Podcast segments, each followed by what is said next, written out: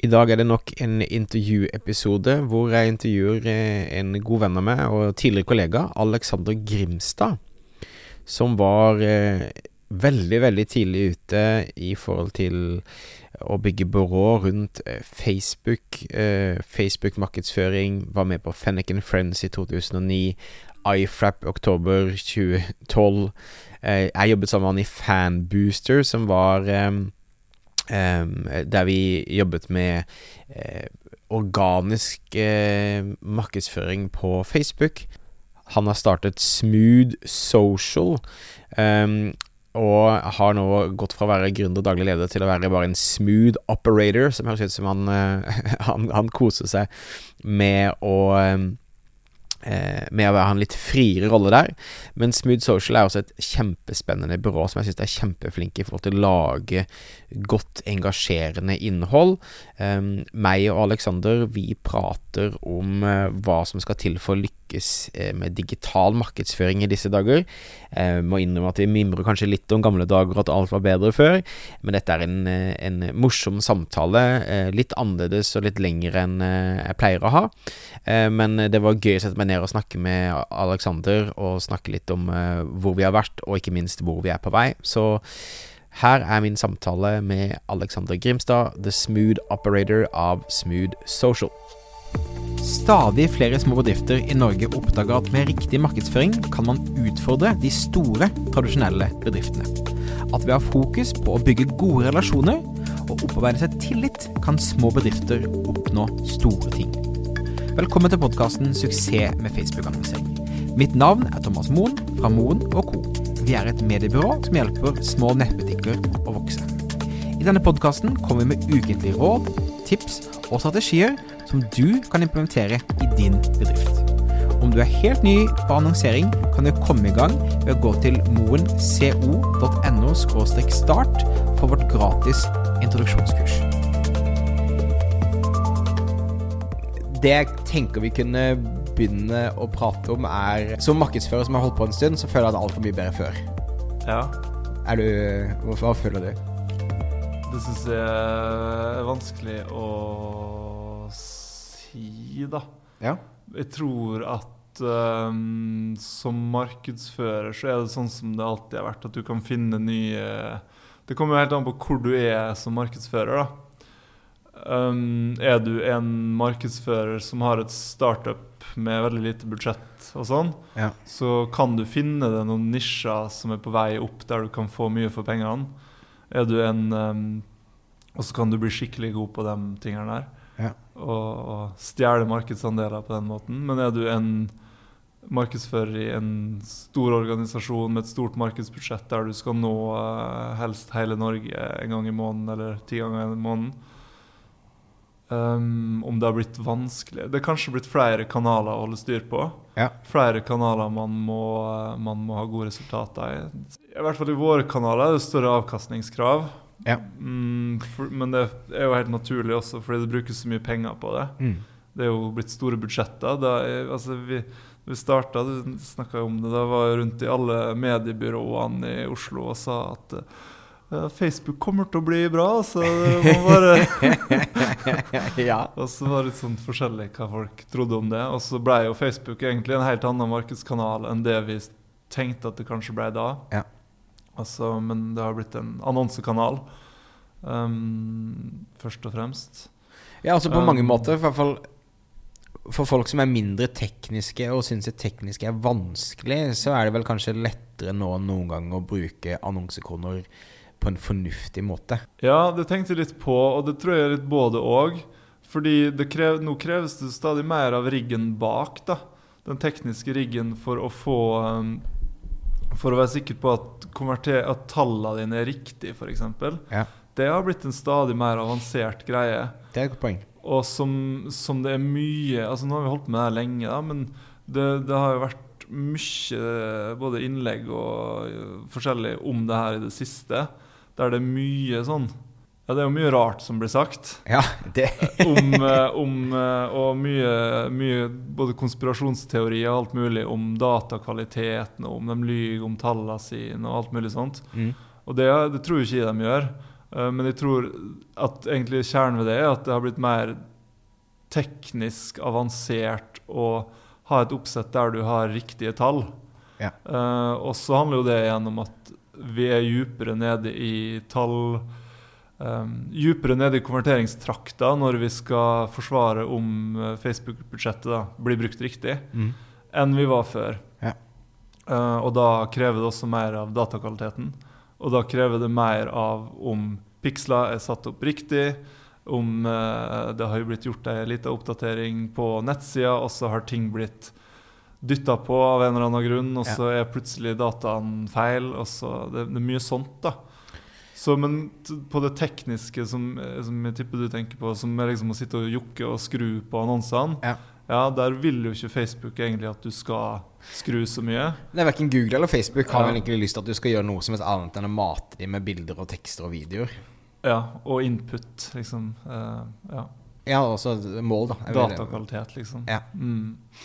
Nei, men Så eh, jeg er sant. enig i at tracking har blitt vanskeligere. Hva gjør, hva gjør dere annerledes nå i forhold til liksom tracking og rapportering til kunder kontra for eh, før april 2021, når Tim Cook eh, ødela, ødela våren? Ja, jeg vet ikke om, men, eh, om det skiller spesifikt. Men vi har jo teknikere ansatt Ja. eh, som eh, er nødvendig når vi driver på det nivået her med de budsjettene vi driver med. Ja. Da må vi kunne gå inn og implementere og teste og skru sjøl, da. For det er jo mye å forvente at kundene skal ha hele den riggen sjøl. Og det er jo mange kunder som har bra IT-avdelinger, og sånn, men som ikke nødvendigvis har kunnskap om erfaring med tracking. Ja. Å få på plass det. Liksom, hvor skal det inn for at det skal bli riktig? og alt sånt. Ikke sant? Og så har de jo ofte en million ting å gjøre fra før som ligger i kø. Så skal du få en piksler i den køa. Hvor skal det oppi? Så dere, dere er mer aktivt inne nå kanskje enn tidligere da og passer på at ting er på plass, og passer på at ting fortsetter å være på plass? da? Ja, Ja. definitivt. Ikke sant? Mer med å passe på det og gjøre jobben også.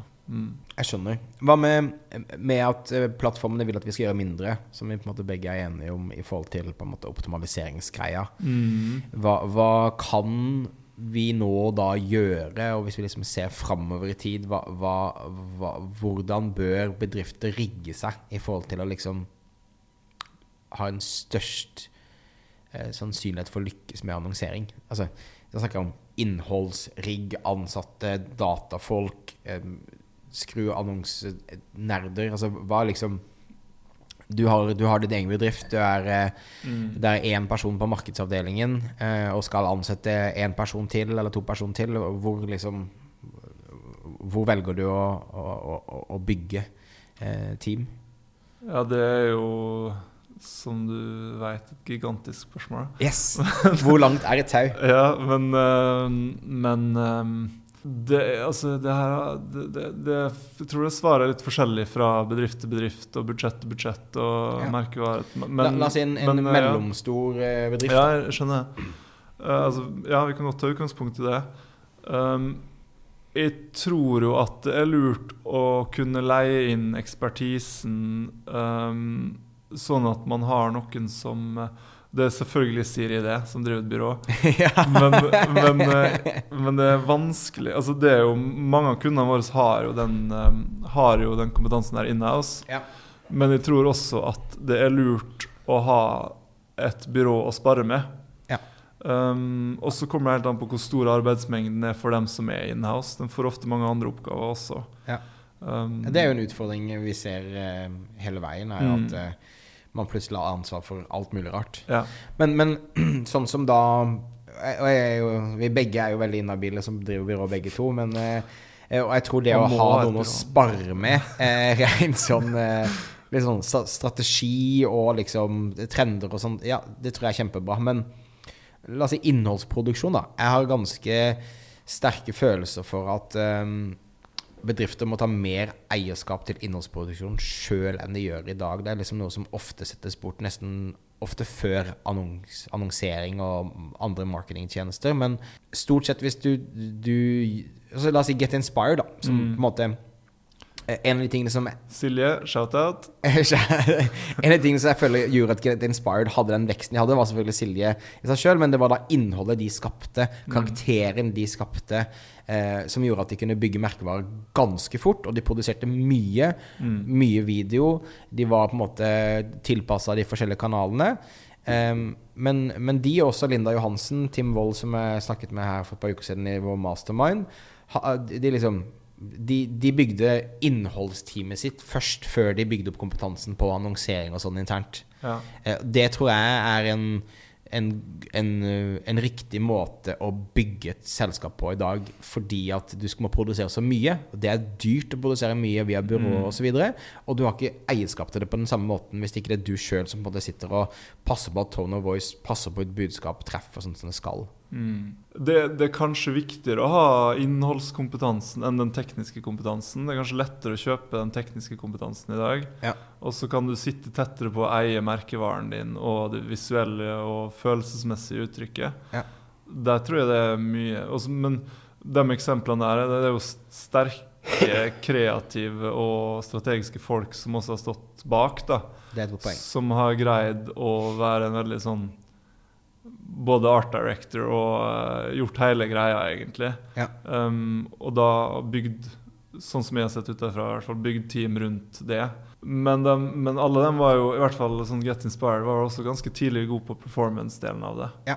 Um, men hva som er lett Det er kanskje det, er kanskje det rimeligste å leie, leie inn eh, performance-delen. jeg, har, jeg har ikke faktisk tenkt så mye eller regna så mye på det sjøl, men det vil jeg tro, da.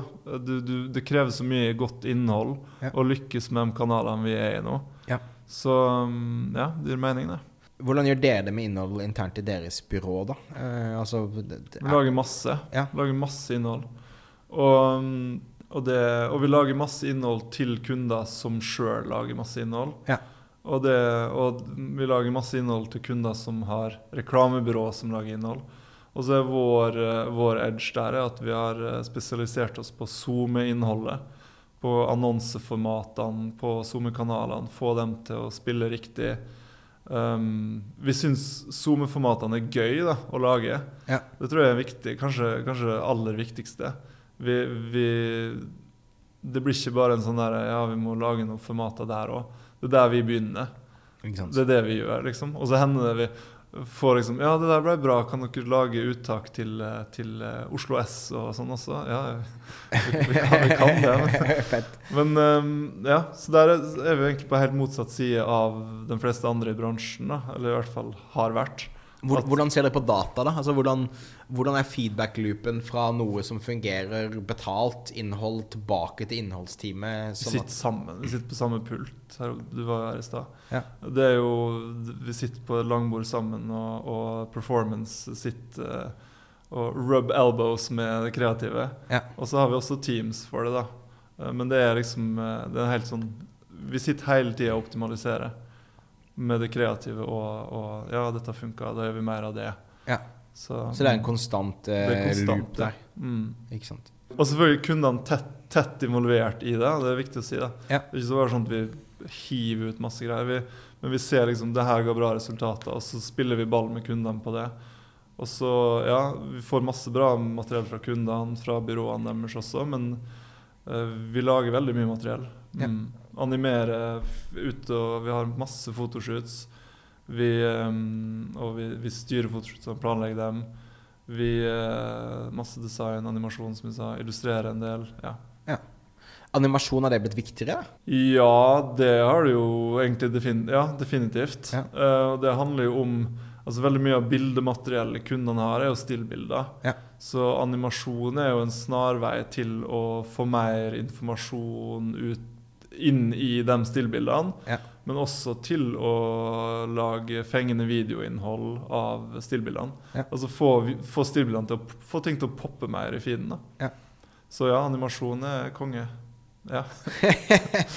Og, så vi, vi, er, vi har innhold, vi har på en måte eh, både innholdsproduksjon, vi har snakket om på en måte plattformene ønsker mer og mer, mer, og mer eh, automatikk og mindre input fra oss. Um, en ting som jeg også føler mange bør fokusere mer på, og jeg har lyst til å høre tankene dine rundt det, er jo hvor du sender folk. Altså landingssiden, nettsidene, nettbutikkene. Um, eh, syns du en vanlig norsk bedrift er um, har tenkt nok og jobbet nok med nettbutikken, nettsiden sin, eh, sånn som den er?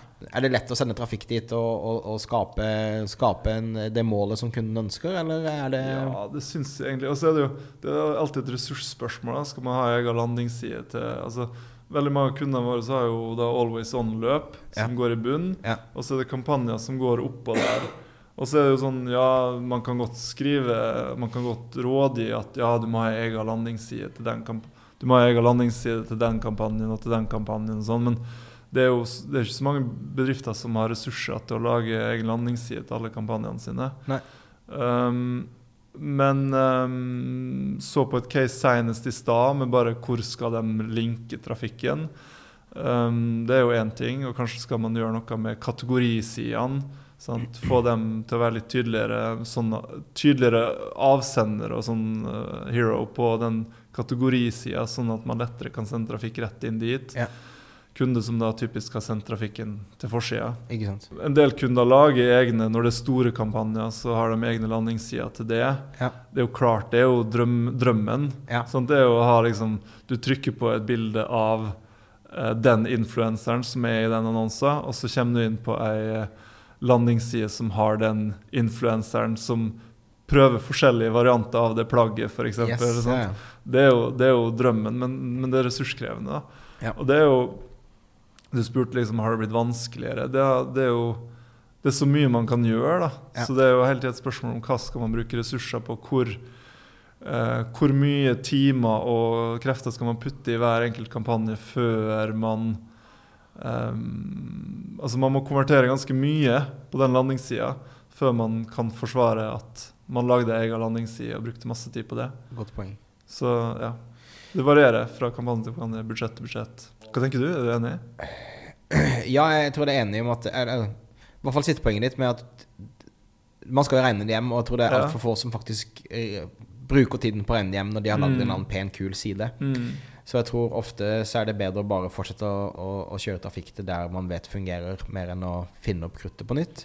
Men i en perfekt verden eh, så jo mer tilpassa side man har, jo bedre leverer det. Men, men, Ja. men eh, jeg har altfor mange prater med folk som ikke har et aktivt forhold til hva ønsker du folk skal gjøre på nettsiden din.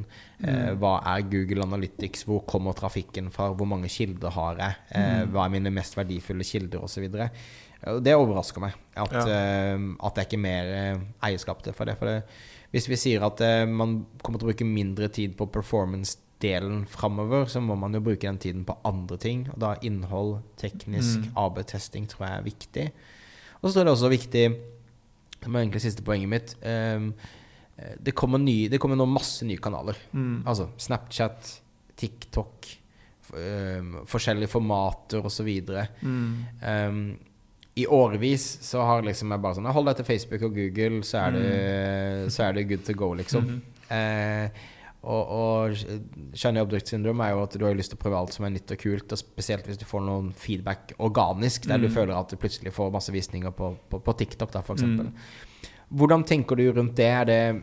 er det sånne ting man skal se på først når man har fått suksess i det vi nå kaller tradisjonelle kanaler, som er liksom Meta-plattformen og Google-plattformen, eller er det, kan man hoppe rett til en eller annen av de nye plattformene først? Hva, hva er tankene dine der i forhold til fokus og prioriteringer? Ja, det er et kult spørsmål.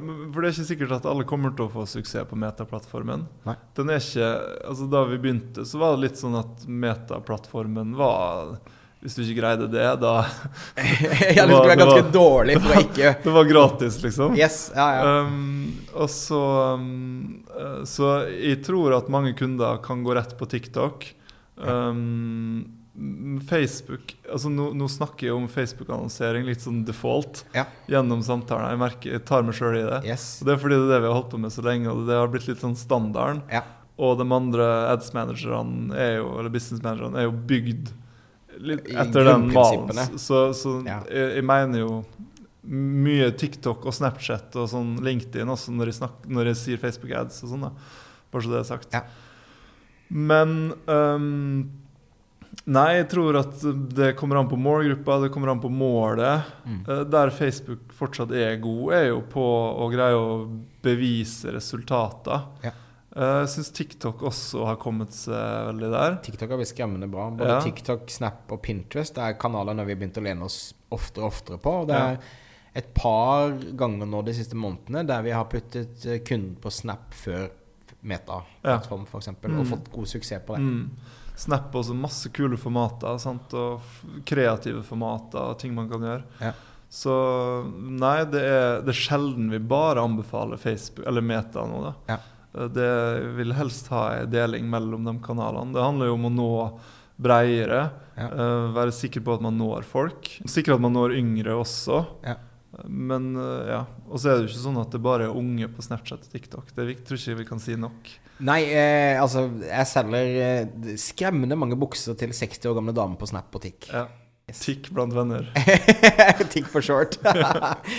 ok, men kan vi konkludere da med at eh, alt ikke LinkedIn også må få en shout-out. da Nei. Jo, jeg syns det. Vi, vi gjør mye bra LinkedIn. Vi har mye B2B-kunder. Ja.